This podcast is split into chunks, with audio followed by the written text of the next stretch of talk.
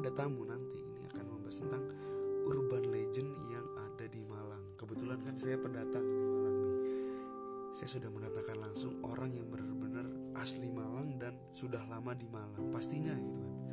Dia lahir tahun 98 dan akan ulang tahun 11 September nanti. Oke, langsung aja. Saya akan memanggil Pak Keceng.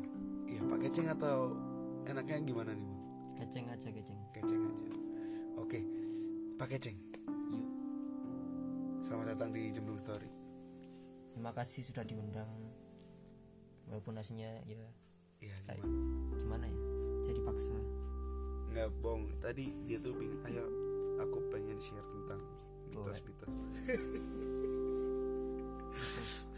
Oke, kita hari ini akan bahas tentang tadi yang saya bilang adalah urban legend atau mitos yang beredar di kalangan masyarakat, tentunya di Malang. Oke, Pak Keceng, Iya. mitos ini langsung aja ya teman-teman. Wow. Gak ada bridging, gak ada apa, langsung aja. Langsung aja udah. Ini mah tersantuy gitu kan. Pak Keceng. Sebenarnya di Malang nih banyak gak sih mitos-mitos ya kita Kalau urban legend banyak itu siapa? Firman? Urban legend yang banyak. urban legend yang banyak ya. Misalnya bisa dikategorikan urban legend itu seperti apa gitu buat teman-teman yang belum tahu. Urban legend itu kayak cerita-cerita yang berkembang di masyarakat. Lebih ke mistis sih kayak. Lebih ke mistis. Ya. Yang berkembang di masyarakat. Gak tahu ada kebenarannya apa enggak. Berarti ibaratnya udah rahasia umumnya orang. Ma- orang gitu ya. Tentunya khususnya di Malang yang akan Iya. kita bahas ya. Sebenarnya urban legend yang paling dikenal atau yang paling sering didengar oleh orang yang berada di Malang nih apa itu Pak? Kayak salah satunya itu di sebuah SMA di dekat Tugu. SMA dek- ada dua SMA nih. Ya, yaitu Salah satunya kan ya. ada aulanya. Aulanya kan gabung. Ya. Banyak mitos kalau di aulanya di lantainya itu Ada selalu ada bajak darah. Dan itu nggak bisa dihilangkan. Itu kayaknya saya tahu deh. Ya kan urban legend kan emang. Ya, Ya. maksudnya eh, cerita-cerita itu kan ibaratkan sekolah tuh kenapa sih menjadi cerita Iya. tempat cerita horor gitu. Kenapa kok selalu kok cerita sekolah itu diberikan dulu sekolah ini adalah kuburan. Nah, Dulu sekolah ini ada rumah sakit. Iya. Kenapa kok dulu sekolah ini adalah mall gitu. mall? Mungkin eh, tahun-tahun yang akan ada datang gitu? seperti itu gitu kan. ada gitu. Aduh. Oke, Sekolah ini itu tempat bermain. Salah satunya ya. Iya. Tapi yang menurut Pak Keceng ini ini tadi yang terkenal. Yang menurut Pak Keceng ini adalah urban legend yang nggak bisa masuk di akal dan kayaknya menyeramkan gitu tuh apa bisa diceritakan nggak itu urban legend apa atau ya langsung diceritakan itu kayak gimana ceritanya dan yang pastinya itu yang menarik Pak Keceng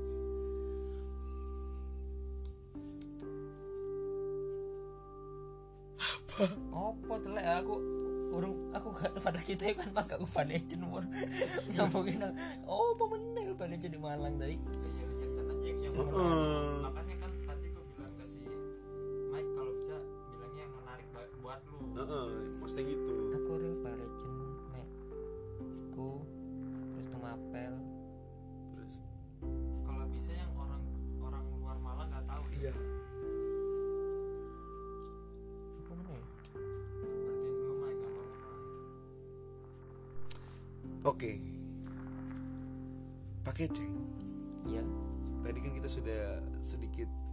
mengenal salah satu urban legend di Malang yang ada di setelah satu sekolah di dekat Tugu ya. iya Nah selanjutnya nih Pak Keceng, ada nggak sih urban legend yang mungkin jarang diketahui orang, orang Malang sekalipun dan mungkin orang luar Malang pasti nggak tahu gitu loh.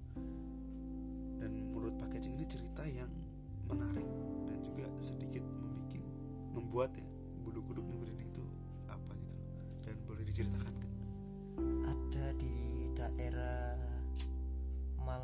pinggiran lah.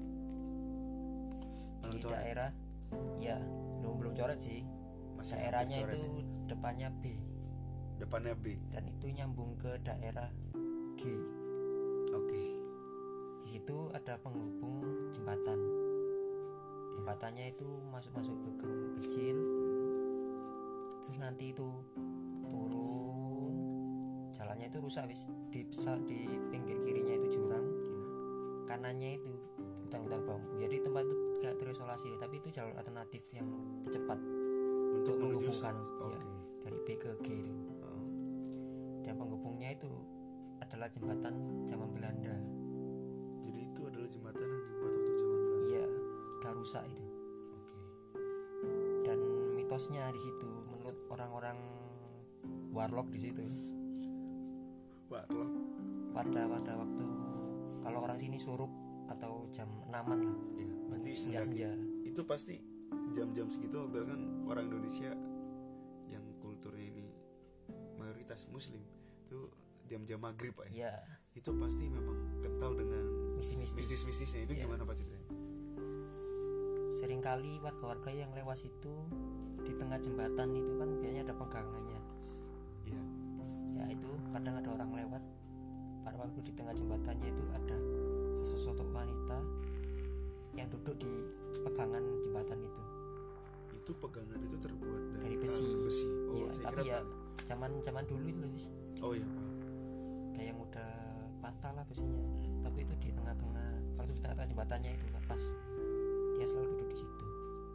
Di itu setiap pegangan. orang melintas atau hanya orang tertentu saja? Yang bisa? arah-arah tentu saja tapi emang di jembatan situ di bawahnya kan ada sungai. Sungai itu emang banyak sekali memakan korban. Makan korban. Orang-orang yang sedang mandi tiba-tiba hanyut. Sering terjadi. Bunuh diri gitu juga kalau mau diri sepertinya juga ada. Kan itu tempatnya juga terisolir kan? Seperti yang saya bilang tadi. Jurang yang langsung ke sungai terus kanannya itu hutan bambu-bambuan.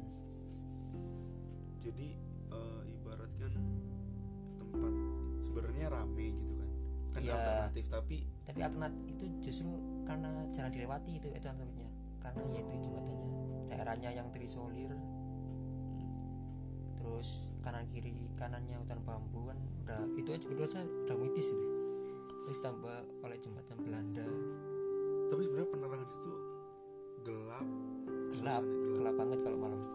Dan Berarti- jalannya itu rusak. nggak ada rumah warga dekat nggak ada. Sama Kalau- sekali? kalau udah baru naik sampai ke atas itu baru ada. Kalau di hutan bambu itu nggak ada. Nggak ada sama sama sekali. Nggak ada sama sekali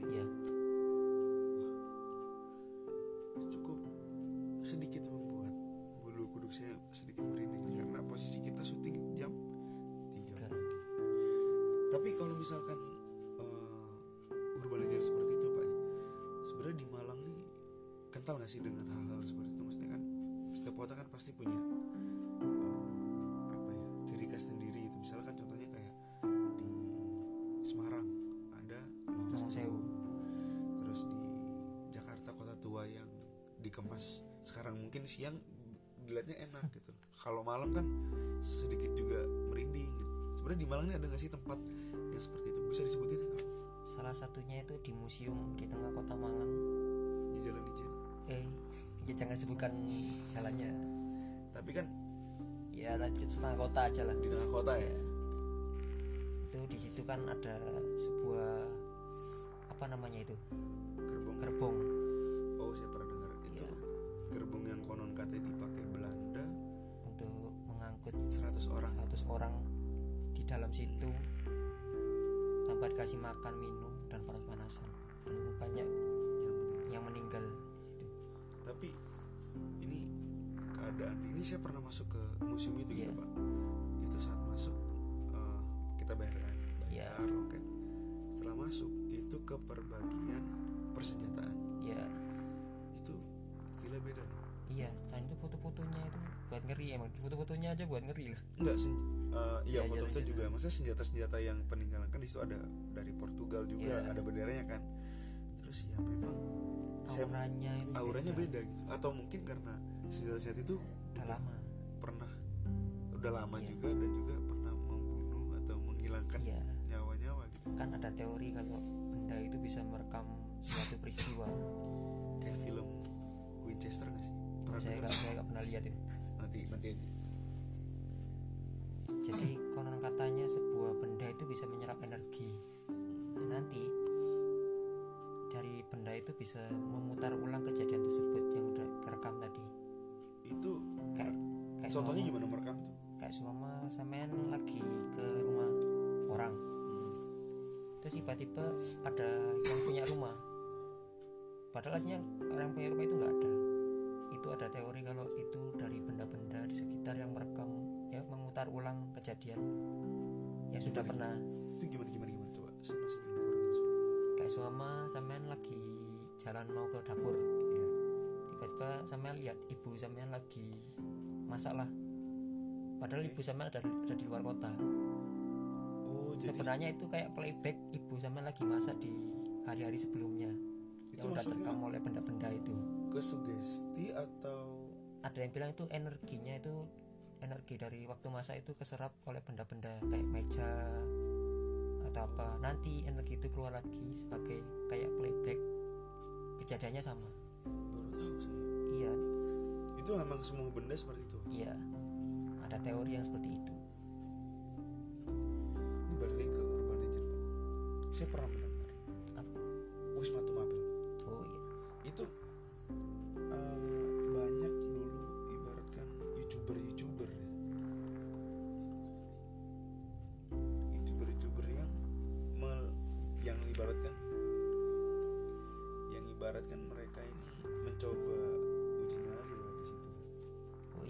di suatu acara di televisi swasta yang udah terkenal itu pernah ujinya di situ. Oh yang number seven itu pak? Iya. Yang masih masih itu. masih DL oh iya. Tapi pak sebenarnya apakah sampean per- sendiri pernah masuk ke dalam situ nggak? pernah. Dan Emang- memang emang itu kayak singup gitu loh. Singup tuh gimana? Deskripsi. Singup itu kayak udara itu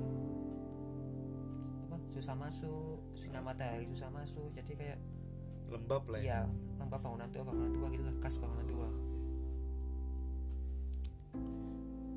Tapi sekarang masih seperti itu? Nggak? sekarang udah direnovasi jadi udah bagus lah sekarang. Udah nggak nggak kayak, kayak dulu. feelnya feelnya nggak kayak dulu. Tapi zaman dulu ya gitu banyak lumut-lumutnya. Hmm. terus ada kayak kayak ruang-ruang tertentu yang sama penjaganya itu nggak bisa masuk. Jadi itu buat penasaran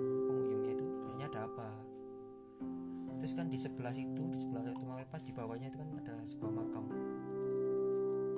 Makam? Iya di sebelah rumah pas. Itu pemakaman umum atau? Cuma satu di situ.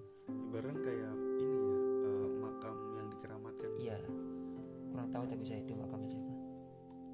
Berarti yang ibarat orang yang dituakan di sana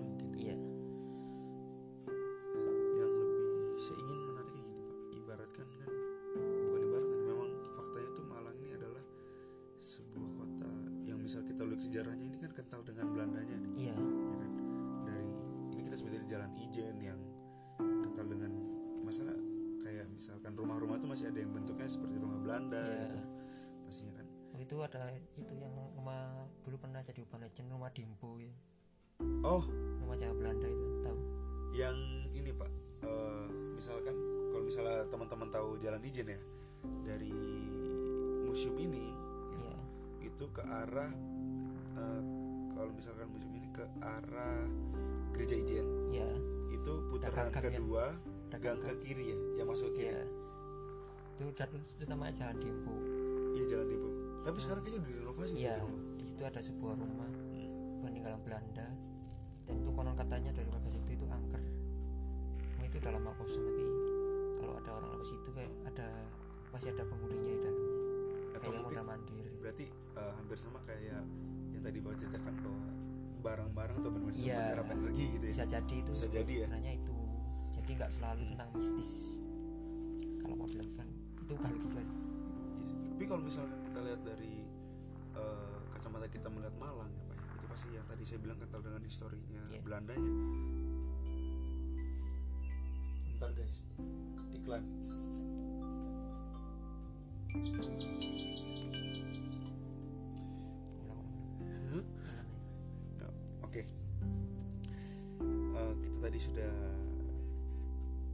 mendengar ada di Jalan Dempo tadi. iya Sebenarnya saya ingin menarik di sini Pak, kan karena Malang ini tadi saya bilang kental dengan historinya Belanda ini ada nggak sih jalan-jalan tertentu yang di Kota Malang ini yang selain yang tadi menghubungkan kota itu jembatan itu ada lagi nggak sih jalan yang yang membuat mungkin Pak Kecing pernah lewat atau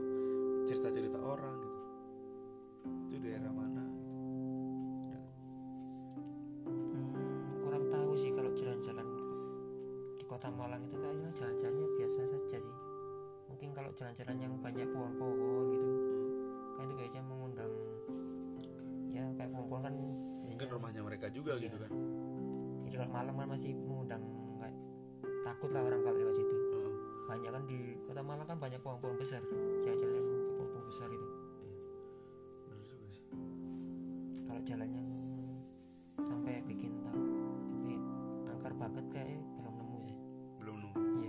karena mungkin apa Malang yang semakin ramai? Jadi Iya. mereka pergi ke mana entah gitu jadi kan. setiap jalan tuh ramai terus. Iya.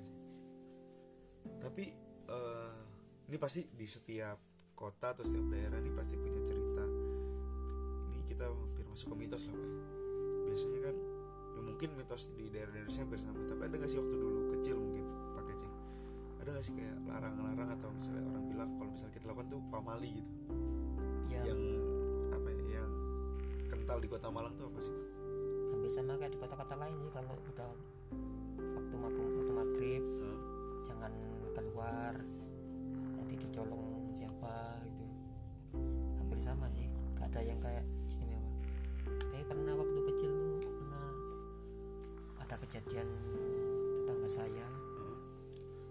dia se- seorang supir becak. Yes. Ini bukan legend sih jadi dulu rumahnya itu di daerah G.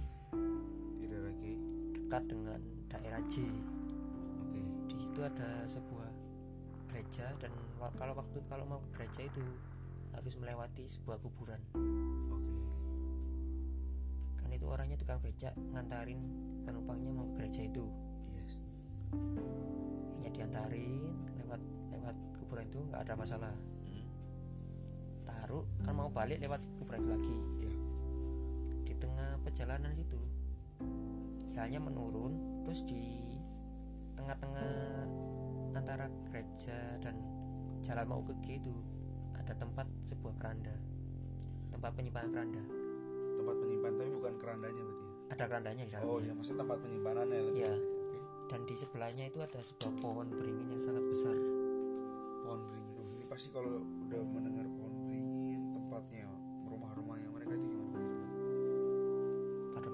habis hujan kalau nggak salah. Tiba-tiba pada waktu waktu turun itu Iya. ada sebuah keranda yang terbang sendiri tanpa ada yang membawa. Berarti kayak lampor. Pernah dengar lampor apa itu? Jadi lampor itu sampai sekarang masih ada pak. Jadi ini cerita aja nih teman-teman. Ini bukan di kota Malang tapi di salah satu kota di Jawa Tengah. Ya mungkin pernah ini ada filmnya soalnya pak. Jadi eh, lampor itu adalah keranda terbang ketika keranda itu terbang kalau kita melihat itu eh, mereka akan datang ke kita dan akan Noel kita dan akan membawa kita ke dalam keranda itu. Anjir. Jadi itu ada filmnya. Jadi ibaratkan kalau misalnya kita melihat keranda itu nggak boleh lihat dan yang dalam keranda ini nggak tahu ini eh, makhluk apa dia bilang akan well walk well walk well Hmm. walk. Itu artinya adalah ditowel dan digowo digowo itu dibawa. Eh, pernah ada. Jadi kalau misalnya teman-teman yang pernah nonton film itu itu memang cerita asli. Dan setelah film itu ada pasti apalagi film-film yang diangkat dari kisah kan pasti ada dokumenter ya pak. Itu pernah dia yang ceritain dia pernah yang ada pernah dibawa dan ada anggota keluarganya yang belum kembali sampai sekarang karena anjir dibawa sama si lampor itu. Berarti udah pernah kejadian asli ya? Itu pernah kejadian di salah satu kota di Jawa Tengah. Itu mungkin teman-teman ada jadi merinding. Ya teman-teman pasti pernah pernah nonton filmnya dan atau mungkin yang dari kotanya yang mungkin pernah, pernah yang mendengar ini itu pasti kental dengan itu gitu. Tapi keren juga ya Indonesia ini Iya, bisa keranda terbang. dan itu kebetulan habis lihat itu kan takut ya. Iya. sampai percaya tinggal akhirnya tentang saya itu jatuh sakit akhirnya meninggal dia. Karena mungkin shock. shock gitu tadi emang itu kuburannya sangat angker sih. Di salah satu di kota ya itu di yang tadi saya ceritain tapi kalau sampai ada gitu kayak sama orang jualan sayur. Hah? kan mau kan lewat situ subuh subuh itu. Iya. Lewat situ tiba-tiba di tengah jalan ketiban sesuatu. Dilihat itu ada makhluk itu yang memakai kain kafan gitu. lompat-lompat ketiban itu ketiban. Dia ditiban sama ya, makhluk? yang tuh yang gerobak sayurnya itu. Ditiban sama itu makhluk itu. Dan ini pernah saya kejadian sendiri. Sama kejadian sendiri? Ya itu siang-siang. Siang-siang padahal. Siang-siang? Di tempat yang tadi tempat keranda saya bilang tadi. Ah, saya pulang sekolah mau lewat situ kan kuburan situ. Iya. tiba-tiba saya mendengar suara tangisan seorang anak kecil dari arah kuburan itu. Anak kecil? Iya. Dan itu jalan itu sepi saya tolak kanan kiri nggak ada siapa-siapa nggak ada anak kecil. Tapi saya mendengar jelas suara anak kecil itu. Itu eh, anak kecilnya kisaran umurnya dia bayi atau? Nggak kayak umur TK gitu lah ya? SD lah. SD Hmm. jadi tangisan ini eh, tangisan kesedihan atau tangisan ketakutan? Kayak kesedihan gitu. Hmm, gitu. Jelas banget. Jelas banget itu? Iya. Itu siang-siang? Siang-siang. Dan itu posisi jalan sepi? Iya. Wah.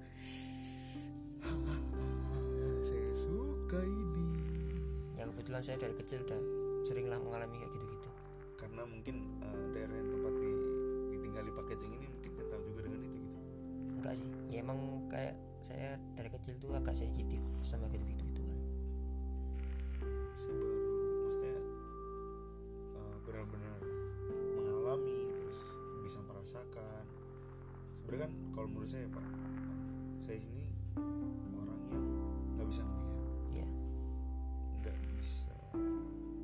berinteraksi mungkin nggak bisa. Tapi ini mungkin bisa sama kayak orang maksudnya eh, apa ya feeling ngerasain tuh emang benar-benar ada dan dari perasaan itu bisa ngebayangin bentuknya. Ya itu kesuges mungkin. Tapi ketika mungkin ini pernah saya coba pernah cerita maksudnya sharing dengan teman saya mungkin yang dia bilang dia katakan dia bisa melihat indiom lah ya.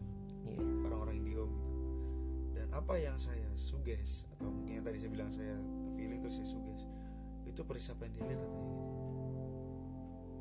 Atau mungkin dia bohong. Iya kurang tahu kalau saya dengan anak indium itu. Indiom saya, saya juga bukan itu. Itu mungkin kan logikanya itu kan berhalusinasi itu ya. Oke jadi kan kita membayangkan apa yang sebenarnya nggak ada yang berhubungan dengan panca indera kita. Itu halusinasi itu gitu kayak sama saya merasa saya merasakan mendengar sesuatu padahal nggak ada. Kayak itu panca indera pendengaran. Iya. Itu namanya halusinasi. Tapi saya pernah dengar ini pak. Jadi eh, mereka yang berpikiran dengan secara logika ya Iya. itu ketika kita merasakan atau melihat ses- atau ibaratkan ya merasakan sesuatu gitu pak. Ketika kita merasa bahwa itu dia menangkap menampakkan diri itu katanya karena dari pikiran kita. Oh. Jadi ibaratkan ter tercapture dari pikiran akhirnya diwujudkan Iya. dengan itu. Jadi co- contohnya gini deh kita dari dulu dari kecil ya pasti eh, digambarkan bahwa makhluk Indonesia tuh seperti gini yang kain gini kafan gini itu ya. yang lompat-lompat atau mungkin Mbak Dini yang ketawa-ketawa atau mungkin anak kecil yang suka nyolong duit itu kan. Jadi itu berarti yang sudah difilmkan dari zaman ke zaman sampai sekarang itu. Itu malah menjadi ya itu sudah terrekam Ya, di tergambar memori di- kita dan ketika kita mungkin merasa ketakut atau sedang sendirian dan mungkin pikiran kita kosong itu akan Kayaknya terwujud. gitu. Tapi kalau misalnya kita berpikir seperti itu mungkin pak ketika dari dulu kita dicekokin film tentang vampir kita hanya yang kita yang kita proyeksikan itu proyeksikan vampir. vampir gitu. Iya, mungkin saja. Kan nggak mungkin kan orang luar. Nah itu, itu maksudnya kan Pak pasti banyak yang nanya gitu. Kenapa kok di eh, Indonesia yang lompat-lompat itu lontong yang lompat-lompat itu cuma di Indonesia, Mbak Dini yang ketawa-ketawa itu cuma di Indonesia gitu. loh. Di luar tuh eh, mereka yang gigit darah manusia lehernya, yang maksudnya ngisep darah, mereka yang ditempel pakai mantra di jidatnya tiba-tiba berhenti. iya itu cuma di luar negeri di luar negeri, di Indonesia nggak ada gitu kan. kayaknya gitu Itu. tapi saya kalau kecil kan nggak mungkin saya halusinasi atau nggak mikir kayak gitu-gitu ya Tapi katanya emang waktu kita saat kecil katanya itu sensitif sensitif ya Iya. dengan hal itu. Contohnya eh, ini pernah pak saya lagi mudik pak, lagi mudik dan saat mudik itu kan pasti dari Jak saya waktu dari Serang ke Malang itu naik mobil posisi. Dan pas mudik itu saya nggak cuma satu keluarga jadi eh, rombongan ada dua keluarga besar gitu? Keluarga besar karena eh, yang keluarga saya di Malang ini memang merantau ke Jakarta di Depok di Serang keluarga saya di Serang gitu kan. Ketika kita lagi ya, di- kasihan sekali di Serang ya. Eh, bukan di Serang pak Oh. di Serang. jadi waktu itu kita lagi istirahat makan di daerah Jawa Tengah. Nah yang di dari anggota keluarga sini masih kecil. Masih kecil pas kita mau masuk rumah makan eh, itu anak eh, ibarat ponakan ya bilang. Hmm.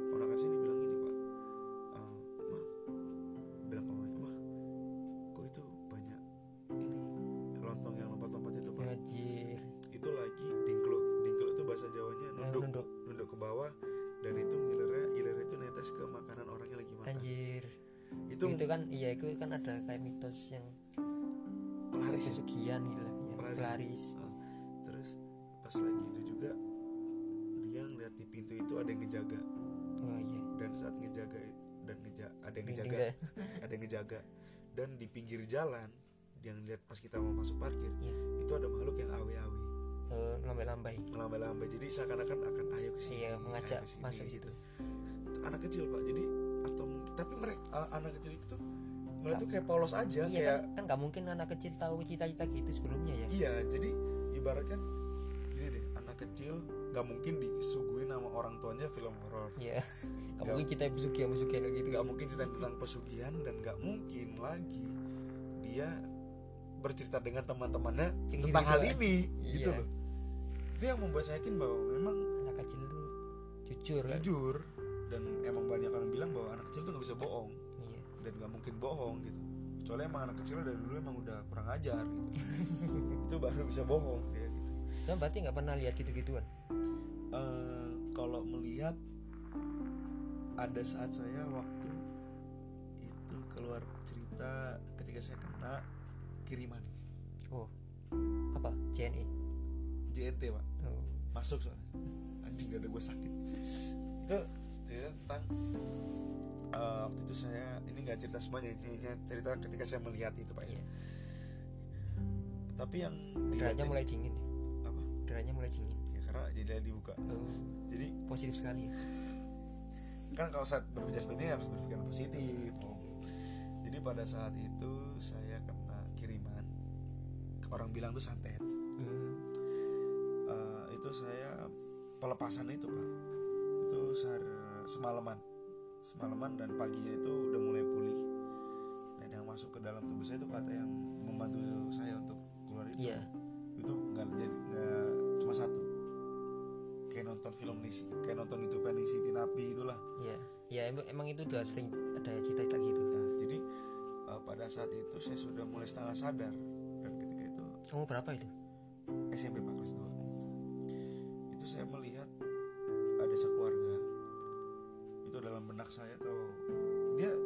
merasakan itu dia ada ada di situ gitu Iya.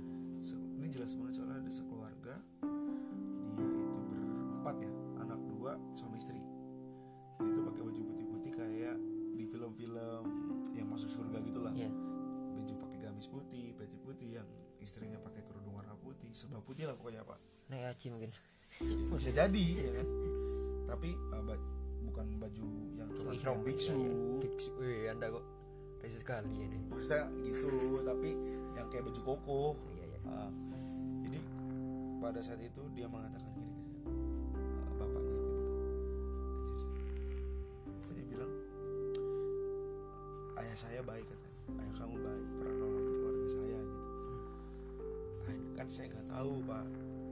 Di sini mereka ini Siapa? siapa gitu kan itu benar-benar ada saya masih inget pak itu orangnya maksudnya yang saat itu maksudnya mukanya nggak terlihat jelas tapi saya ingat ada empat orang itu Iya. satu keluarga itu akhirnya saya penasaran dengan posisi waktu itu saya saat di Serang dan ayah saya lagi di Flores Hmm. Oke.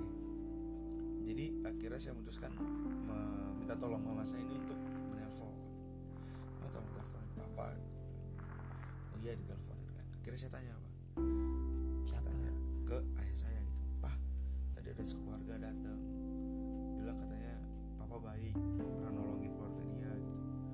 saya langsung mengatakan empat orang? Iya. Anaknya dua? Iya. Suami istri? Iya. Itu papa pernah nolongin waktu kecelakaan itu dan meninggal semua.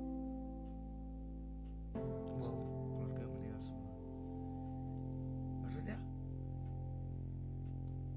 itu mungkin atau mungkin ya saya berpikir ya maksudnya sedikit positif dan sedikit pemikiran ke sana itu mungkin pada saat ditolongin sama ayah saya masih belum me- belum sempat untuk minta eh belum sempat untuk terima mengucapkan kasih. terima kasih. Jadi mungkin lewat saya gitu. Itu itu sih yang paling saya ingat sampai sekarang. Itu kalau pakai ceng kalau dilatih tuh pernah gak sih? Sering banget dulu. Itu sering banget umur berapa? Umur SD-an lah. SD TK sampai SD itu dilatih apa aja pak? Itu yang tadi pakai kain kafan. Itu tapi kain kafannya penuh darah banget jadi bercak Jadi- bercak darah gitu ya? iya ada di pada badannya dan lukanya rusak. Jadi kak sama saya lagi jalan. Tiba-tiba saya lewat yang ada sebuah tangga. Hmm. saya lihat ke arah tangga itu. Di ujung arah di ujung tangga itu ini ada makhluk itu. Untuk kecil itu. Kalau akhir-akhir ini pernah nggak pak? Akhirnya ini udah agak pernah. Soalnya dulu sempet itu kan sering-sering ya sering banget Oh. dulu kan semua lihat makhluk yang tinggi besar Iya. berbulu itu udah pernah Pak Wowo ya? Ya. Hah? terus itu mbak tadi Mbak pernah sosok yang kayak siluet aja pernah. Terakhir kali saya itu lihat yang kayak sosok siluet itu tapi saya takut banget entah kenapa. Itu ya kayak siluet gitu tapi tapi saya takut. Sampai akhirnya saya ke tetangga saya dipanggilkan saudaranya yang pintar. karena pinter dikasih minum minuman dari situ saya nggak udah pernah lihat lagi. Sampai umur 16 17-an berarti Eh. kasar 2016 2017 kemarin itu baru terakhir. bisa lihat lagi baru dari bisa lihat lagi ya berarti ibaratkan saat itu mungkin eh, umur Pak Keceng masih belum menginjak dewasa mungkin ya masih anak-anak banget Iya, jadi mungkin eh, yang orang pintar ini ini masih belum waktu, jadi mungkin ditutup Iya. dulu gitu ya.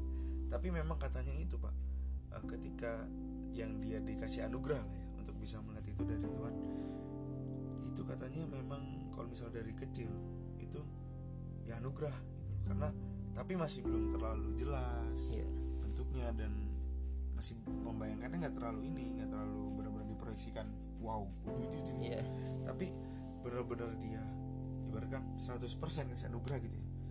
Itu waktu menginjak umur 17 18 ke atas gitu. Untungnya saya nggak sampai sempurna gitu. Tapi kayak sering lah kalau bakal belakangan ini kayak sama kan saya sering pulang malam kalau kuliah ya. Iya. Jam 10-an itu baru pulang rumah. Hmm. di rumah saya kan perumahan ada sebuah pagar. Di sebelah pagarnya itu ada sebuah gang yang menuju ke kampung. Di pagernya? Kan ada pagar Iya. sebelahnya pagar itu ada sebuah gang yang Oh, menuju kecil kampus gitu ya. ya, Ya, ya, pak yang kampung. orang-orang Malang nih pasti kalau misalnya tinggal di perumahan atau di perkampungan tuh pasti kental dan itu kalau jam 10 pagarnya itu udah ditutup. Oh pagar yang buat gangnya? Yang ke perumahan ya saya. ke perumahan ya udah ditutup. Jadi kan harus buka dulu turun dari sepeda. Tiba-tiba dari arah gang itu saya melihat kayak ada kalau kan biasanya orang-orang yang anu kan proyeknya anak kecil ya yang Iya. sering ambil duit loh. Iya. Itu anak kecil. Tapi saya itu lihatnya orangnya itu tua agak tinggi botak emang pucet banget kulitnya dan pakai popok. Dan cara berjalannya itu merangkak ke merangkak. Merangkak. Tapi itu kayak bagian belakangnya itu di agak naik gitu. Oh itu katanya pak eh, kalau misalkan kita saya pernah mendengar bahwa itu adalah suatu ini maaf ya kalau misalnya ini salah kode tapi katanya adalah sebuah ilmu mereka yang ilmu hitam ya Oh, ada jadi dia yang eh, dia sendiri. Dia saat misalnya ritual ritual tapi kayak ada bukan pantangan ya, jadi pantangannya nggak boleh pakai baju ada misalnya kewajiban dia harus pakai popok atau mungkin gimana itu mungkin dari situ. Jadi karena pernah dengar cerita gitu jadi ada ilmu untuk nyuri uang atau ngerampok itu harus dengan telanjang bulan. Oh. Ada yang anjing. Ada itu yang- bayangin sampean ketemu tiba-tiba malam-malam orangnya pucet tua botak pakai popok terus jalan belakangnya aneh loh jadi kayak ini ya kalau misalnya teman pernah lihat kayak creepy creepy Iya. Facebook itu kan kayak pasti gitu. kayak gitu ya? Iya. Terus saya kan anu dulu saya waktu SMK itu magang di sebuah kabupaten Hmm. nama daerahnya itu K. K. Daerah Malang Selatan sana K K Ai Bae Hah? Ai Bare bukan. Yang mana? Yang ada stadionnya. Oh. Arema ya. Kan itu dari daerah P. Hah? mau daerah K itu di Tugu Selamat datangnya itu antara perbatasan antara P dan K itu Iya. ada sebuah kuburan. Oh ya yes yang jalannya lurus terus. Ya kuburan itu sangat terkenal angker banget. Yes. Dulu pernah kak? Nggak salah ada mo- mobil yang masuk situ apa gimana lo lupa aku. itu kanan kiri kan pak kanan aja Kanan- oh iya yang yang Ya. bisa kalau dari arah Malang kanan, aja, Ya. itu itu sudah pernah masuk tuh itu tukul jalan-jalan juga itu eh, saya pernah dapat cerita jadi ketika eh, kawan saya bukan kawan ya abang-abangan ya, Iya. itu lagi sedang perjalanan ke kota K Iya ke ada yang ada stadion itu Iya. dia waktu pas berangkat ke kota itu. Bukan kota ya kabupaten ya. Iya kabupaten. kabupaten itu. Tapi itu nyebutnya ko- kota K. Kota K ya. Itu perjalanan estimasi pasti jam tuh nggak bisa ngebohongin kan? Iya. waktu itu nggak bisa ngebohongin gitu kan. ya seperti biasa estimasinya dia. Perjalanan berapa menit? Kalau dari Malang kan nggak sampai sejam lah ya kalau misalnya itu. Dia pasti naik mobil. Jadi setelah itu dia pulang. Pulang dan sebelum tugu atau setelah gapura sama datang Iya. itu itu kerasanya dia bilang itu jalannya panjang banget dan lama banget dia lewat situ. Gak nyampe nyampe nggak nyampe nyampe tapi ketika setelah setelah terus sudah melewati itu langsung biasa aja gitu. Itu pernah denger juga gak sih kayak gitu? Iya. Itu kalau ada kalau kalau itu di Jawa itu istilahnya ada oyot mimang apa itu Pak, itu oyot mimang itu kan oyot itu ak- akar. Hah? jadi kalau ada orang yang melewati akar tersebut Pohon tersebut. Orang itu kayak kayak kes- kesesat loh. Berarti kayak ini ya Pak dulu viral pernah ada salah satu bis Iya. yang masuk ke hutan. Oh iya tapi nggak bisa keluar keluar nggak bisa keluar. Nggak maksudnya mungkin. anehnya itu katanya kan lama gitu ya? yang yang la- bukan. Jadi ceritanya itu ya bisnya itu ya lama banget itu. Sebenarnya kalau misal kita misal contohnya dah kita dari kota M ini ke Iya. kota B. Ya Malang ya ya Malang. Malang ke Batu Iya. gitu ya. Itu ya paling kalau naik motor setengah jam lah ya Iya. kalau paling lama ya. Tapi bisa dirasain dua jam. Itu lewat hutan kayak dua jam gitu ya. iya kayak di lewatin hutan gitu. Maaf guys. Ada babi tidur. Terus ada lagi cerita dulu. Ini pasti pernah viral ya pak di berita zaman itu. Ketika tahun 2010 2011 2012 13 lah. Itu ada salah satu bis. Nama kita ya yang singkatnya PK hmm. PO nya PK ya kelamin ah bukan iyalah iya Eh, iya iya Iya, pernah dengar kan? Jadi ceritanya itu jadi eh, bisnya itu tiba-tiba nyasar ke hutan dan di hutan itu nggak ada jalan buat Iya, bis itu aslinya- keluar dan as- as- masuk Kayaknya nggak bisa masuk kan Heeh. di situ tapi Dan bisa kena tengah dan dilihat itu. lagi di bis itu emang nggak ada goretan sedikit Iya. dia nge- kayak itu ada kayak semua adaan kayak kena body kan kena banyak iya biasa kan ada lecet Iya, itu garet ada. gitu kan terus kayak mobil tangki juga pernah. Iya. Itu kalau menurut paketnya itu gimana sih? Kayak masuk ke sebuah portal gitu nggak sih? Portal. Atau mungkin kayak pandangan dari supirnya. Itu kayak di jalan dibiaskan biasa. Ya dibiaskan Heeh. sebenarnya itu masuk ke ke, ke hutan-hutan kayak gitu. Tapi entah apa alasannya. Tapi saya kalau merasakan portal tuh ini nggak tahu ya portal apa sering saya. Kayak di perumahan kan banyak bukan portal itu om. Jadi daerah sini di Raja ini. C. Oh ya. Ini ke arah B. Ya. Ya. Oh, iya Itu- kan bisa langsung ya? Eh, buk- bukan portal ini om. Jadi saat itu ada di daerah jalan ini kan naik kan pak? Ya. Itu em, posisi kanan kiri nggak ada rumah. Pasti perumahan mau perumahan baru lah kayak gitu, apa udah diuruk-uruk gitu. Tapi masih ada pohon-pohon. Ya itu ketika saya jadi contohnya kayak nonton film horor ya. Teman-teman mungkin bisa bayangin yang denger eh, pohon kayak menyatu kayak jadi portal dan itu kabut. Wih.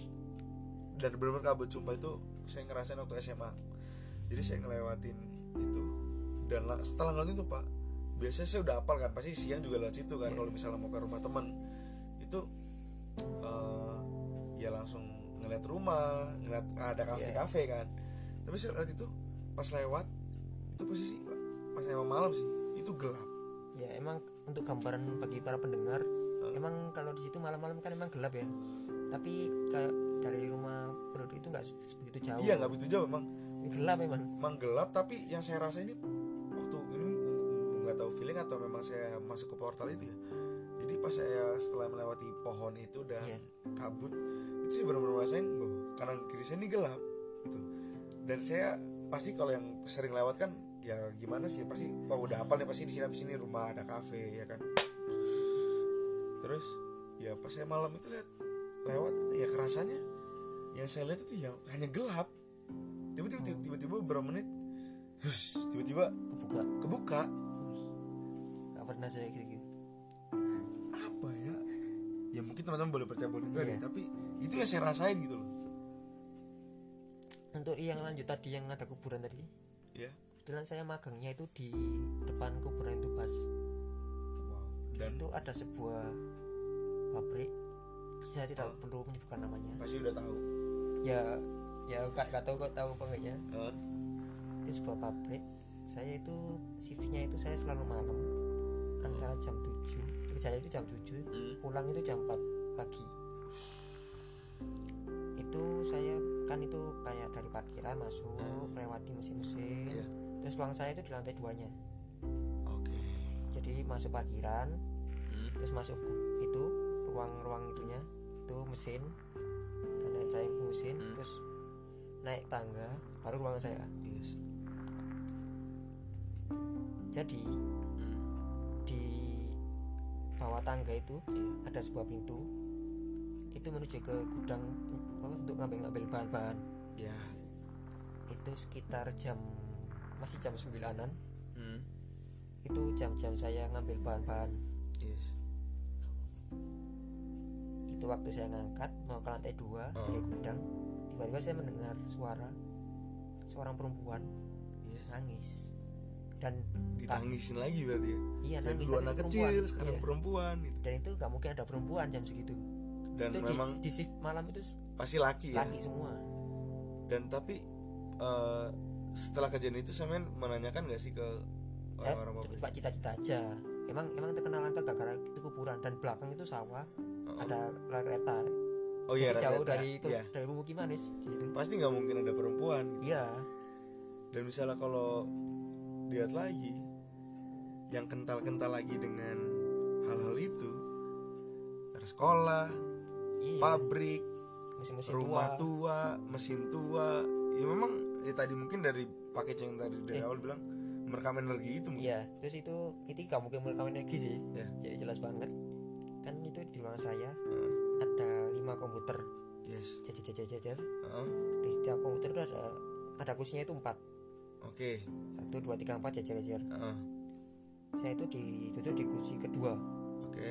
Di sebelah saya kursi kosong kosong kosong. Saya di ruang situ sendirian. Sendirian? Sendirian. Posisi jam malam? 12 malam pas.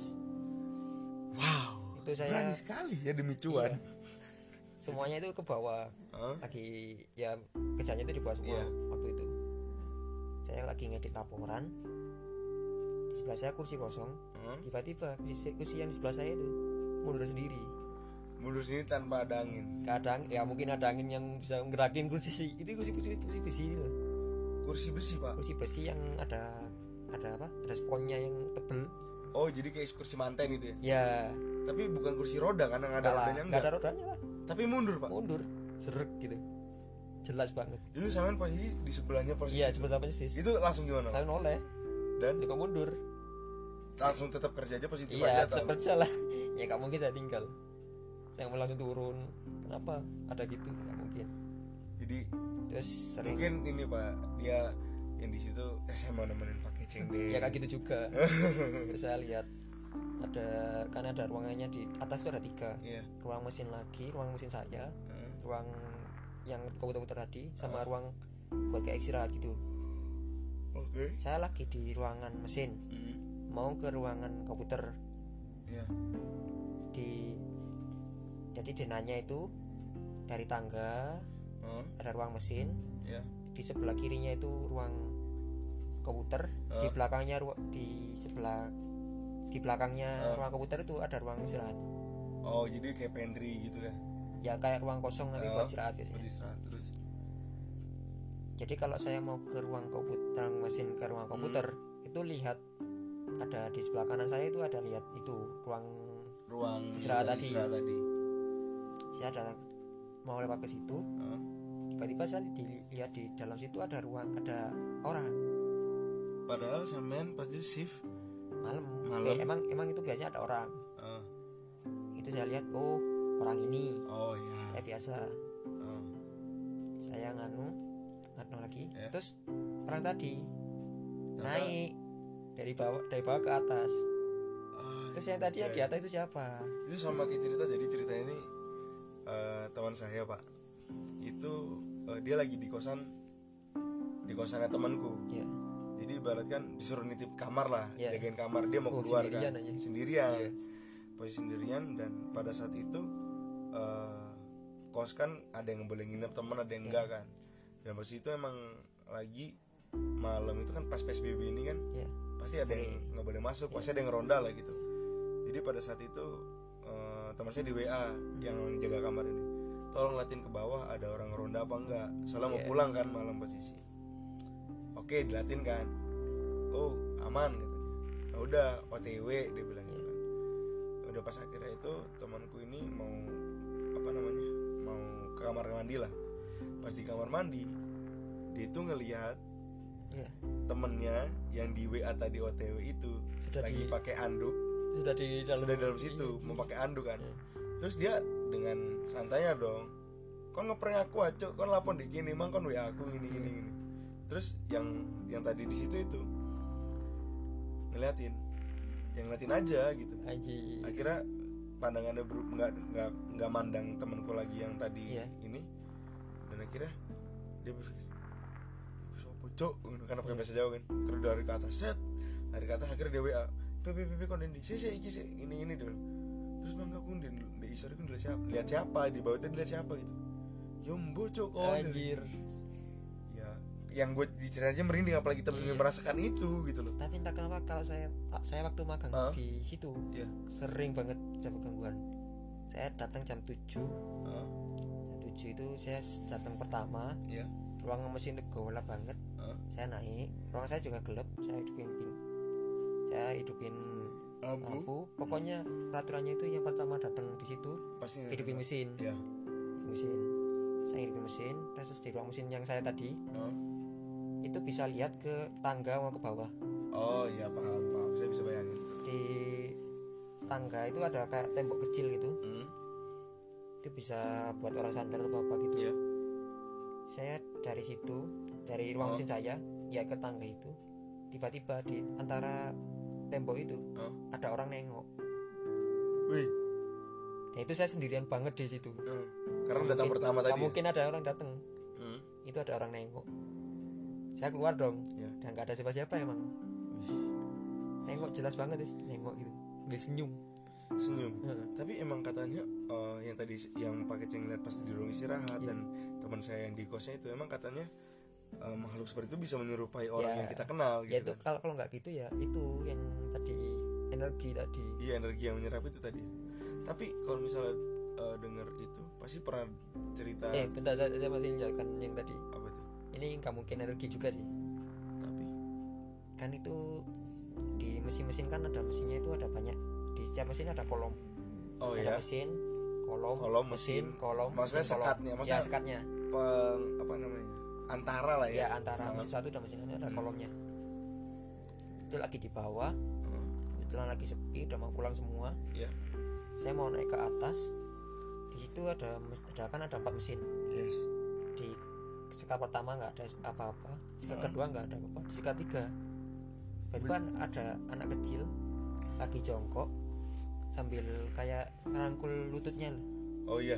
Jadi kayak dia dingkluk nggak? ya dingkluk kayak sedih gitu Pabrik ada anak kecil. nggak mungkin kan itu Ya pasti kalau masuk pabrik kan pasti kita dicek kan. Iya. Yang kan nggak semua orang bisa masuk pabrik gitu. Itu anak kecil. Anak kecil itu benar-benar kecil. ngeliat iya anak kecil Na- eh, mengeluarkan suara atau Enggak. berinteraksi enggak cuma cuma ya gitu tuh duduk. cuman duduk Duduk sambil aja. megang lutut Eh, ya kayak ya teman-teman nggak bisa lihat sih kayak ya kayak gini kan pak ya oh iya, iya. Yes, yes.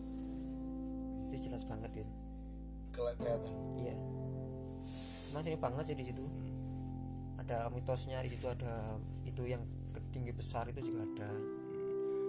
Tapi memang sebenarnya eh, mungkin ya pabrik kan pasti dibuat dari tanah kosong. Ya dan memang yang itu tadi sawah sih bukannya? Eh, pasti pabrik itu ada be- beberapa tempat yang berapa maksudnya beberapa pabrik yang pasti ada ruangan yang memang jarang dipakai Iya, orang gitu kayaknya kan. jadinya kayak jadi dingin. seperti itu gitu dingin singup tadi Iya. itu ya. Meskipun aslinya rame kalau orang ruang-ruangannya itu nggak pernah dengar Ah, kayaknya singup iya sih. Singup dan kayak bau-bau apa ya bau-bau pengap iya. paham sih gitu kan? Ya kan itu satu laki yang tadi. Hmm, di ruang istirahat tadi juga ada kayak ada kursi ya. Ya biasanya teman saya itu istirahat di situ. Hmm, duduk atau tidur di situ itu biasanya gelap ruangannya. Itu emang teman saya lagi di situ istirahat. Ya biasanya itu ada ada orang satu lagi yang Hmm. biasanya ngobrol sama dia di situ. Yes. Saya lihat di situ oh dia lagi ngobrol sama itu. Soalnya saya lihat orang itu lagi duduk Hmm, terus ada kayak kaki. Kaki. Kaki aja kan itu gelap. Oh iya, jadi eh, kayak ibaratnya mbak bukan bayangan ya hanya ngeliat kakinya badannya emang enggak gitu iya kan? kan gelap. Gelap karena gitu saya tapi gak yakin ini emang beneran orang apa orang apa enggak. bukan gitu. Ya pasti pasti ada kayak gitu sih terus. Kayaknya agak lama dia keluar. Saya tanya loh Hmm. saya main tadi sama ini ya di dalam Hmm. ngobrol gitu? Enggak ya aku mang dewian. Saya dari tadi sendirian. Terus yang tadi itu siapa? Cuma kaki aja tadi. Udah mana udah tahu. Ya itu. Itu ada mitos di sebuah kampus. Sering lihat kampus gitu pasti kampus-kampus tuh ya ya tadi bilang sekolah kampus pabrik rumah sakit dan lain-lain itu pasti tempat-tempat gitu sih. Telepon agentnya kayak gitu tiba-tiba Hmm. lagi ngejain tugas orang tua di, di perpus. Oh, ada ibu-ibu yang jaga situ ngawasi. Yang satu temennya buru-buru mau pulang Heeh. soalnya udah malam. Tiba-tiba pulpennya jatuh. Yes. Dia ngambil tapi kok tingkahnya aneh. Oh anjay. Dia masukkan dia akhirnya kemas-kemas lagi. Hah? Dia bilang ke temennya ayo pulang udah malam nih. Iya. Tapi temennya masih belum selesai ngerjain Ah. tugas akhirnya ditinggal lah sama temen yang yang tadi itu. Ya dia tinggalin. Tiba-tiba yang temennya yang Hmm. barusan keluar tadi WA temennya yang masih ngerjain tugas. Pesan lah ya. Ya eh cobain deh. Jatuhin pulpen ke bawah. Hmm, terus lihat ke meja resepsionis penjaga jaga perpustakaan. perpustakaan. Kayaknya apa sih maksudnya? Hmm, ya cobalah jatuhin terus lihat hmm. lihat kan lihat ke bawah. Yang di ibu-ibu tadi gak ada kakinya. Hmm, tapi memang biasanya kalau misalkan kalau misal kita lihat kayak kampus-kampus yang kampus besar lah ya. ya Kayaknya setiap kampus tuh walaupun bisa 24 jam kita beraktivitas di dalam sana ya Pak Pasti kalau secara logika ya nggak ada yang nge-shift gitu kalau orang. Iya. Yang paling Berarti sejak awal mereka yang mereka sapa, yang mereka lihat itu siapa gitu yang paling sering terkenal ceritanya itu kampus U. Kan depannya U oh iya U semua. Semua U, kampus B. P Oke, iya iya U iya. dan U dan E. Ya itu Itulah. sering banget itu kan kat- katanya ada di gedung rektoratnya itu ada cewek yang sering nangis malam-malam. Terus ada hantu yang tanpa muka. Hantu tanpa muka tuh rata gitu Kayak Iya. Voldemort itu sering banget ceritain kalau itu kampus itu banyak banget sebenarnya. Di kampus saya juga ada sih. Yang kan saya iya kan saya dulu kerja di situ. Hmm, kampus S lah. Hmm.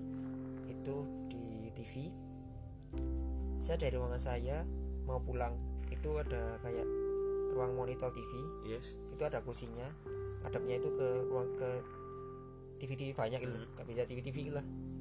Itu ada kaca kacanya saya pulang jalan mau ke pintu keluar. Iya. Saya lihat di kursi yang ada gitu tuh Oh. ada cewek rambut panjang oh, pakai baju putih. Terus? Itu duduk di situ. Berarti baju putih itu udah kental dengan Mbak Dini gitu. sebab dia. Bisa jadi ya? Oke teman-teman itu adalah sedikit cerita dari Bang Keceng tentang urban legend di Malang atau mungkin tadi juga saya sedikit sharing tentang cerita yang pernah saya rasakan atau pengalaman-pengalaman yang pernah saya rasakan gitu kan itu mungkin untuk segmen kali ini kita cukup sampai sekian karena Ya. waktu hampir menunjukkan satu jam kita tadi kita berbicara barang barang daerah ya Iya, dari semua daerah deh. Ada Lampor juga, tadi ada Wewe, Wowo dan lain-lain gitu kan. Atau mungkin teman-teman yang ingin lebih tahu atau mungkin dibuat episode selanjutnya langsung aja bisa request di gimana ya deskripsi saya udah ada email, IG, Twitter semua udah ada gitu. Mungkin yang penasaran dengan Pak Keceng ini ada IG nggak Pak? nggak ada Twitter? ada Apa Twitternya Pak? Bisa mungkin teman-teman mau tahu gitu. at kamu silit At, uh, ya itulah pokoknya at kamu silit itu ya oke teman-teman terima kasih buat yang udah dengerin jemblung story hari ini di segmen misterius kurang serius atau tidak serius. Intinya mah serius tapi nggak serius gitu biar sedikit cair nggak biar nggak terlalu merinding ini. Karena posisi juga waktu sudah menunjukkan pukul 4 pagi saya di sini ya udah mau subuh. Kita akhiri sampai di sini dan jangan lupa buat share ke teman-teman biar tahu tentang cerita-cerita ini dan juga terus dengerin semua episode dari Jemblung Story dan bye bye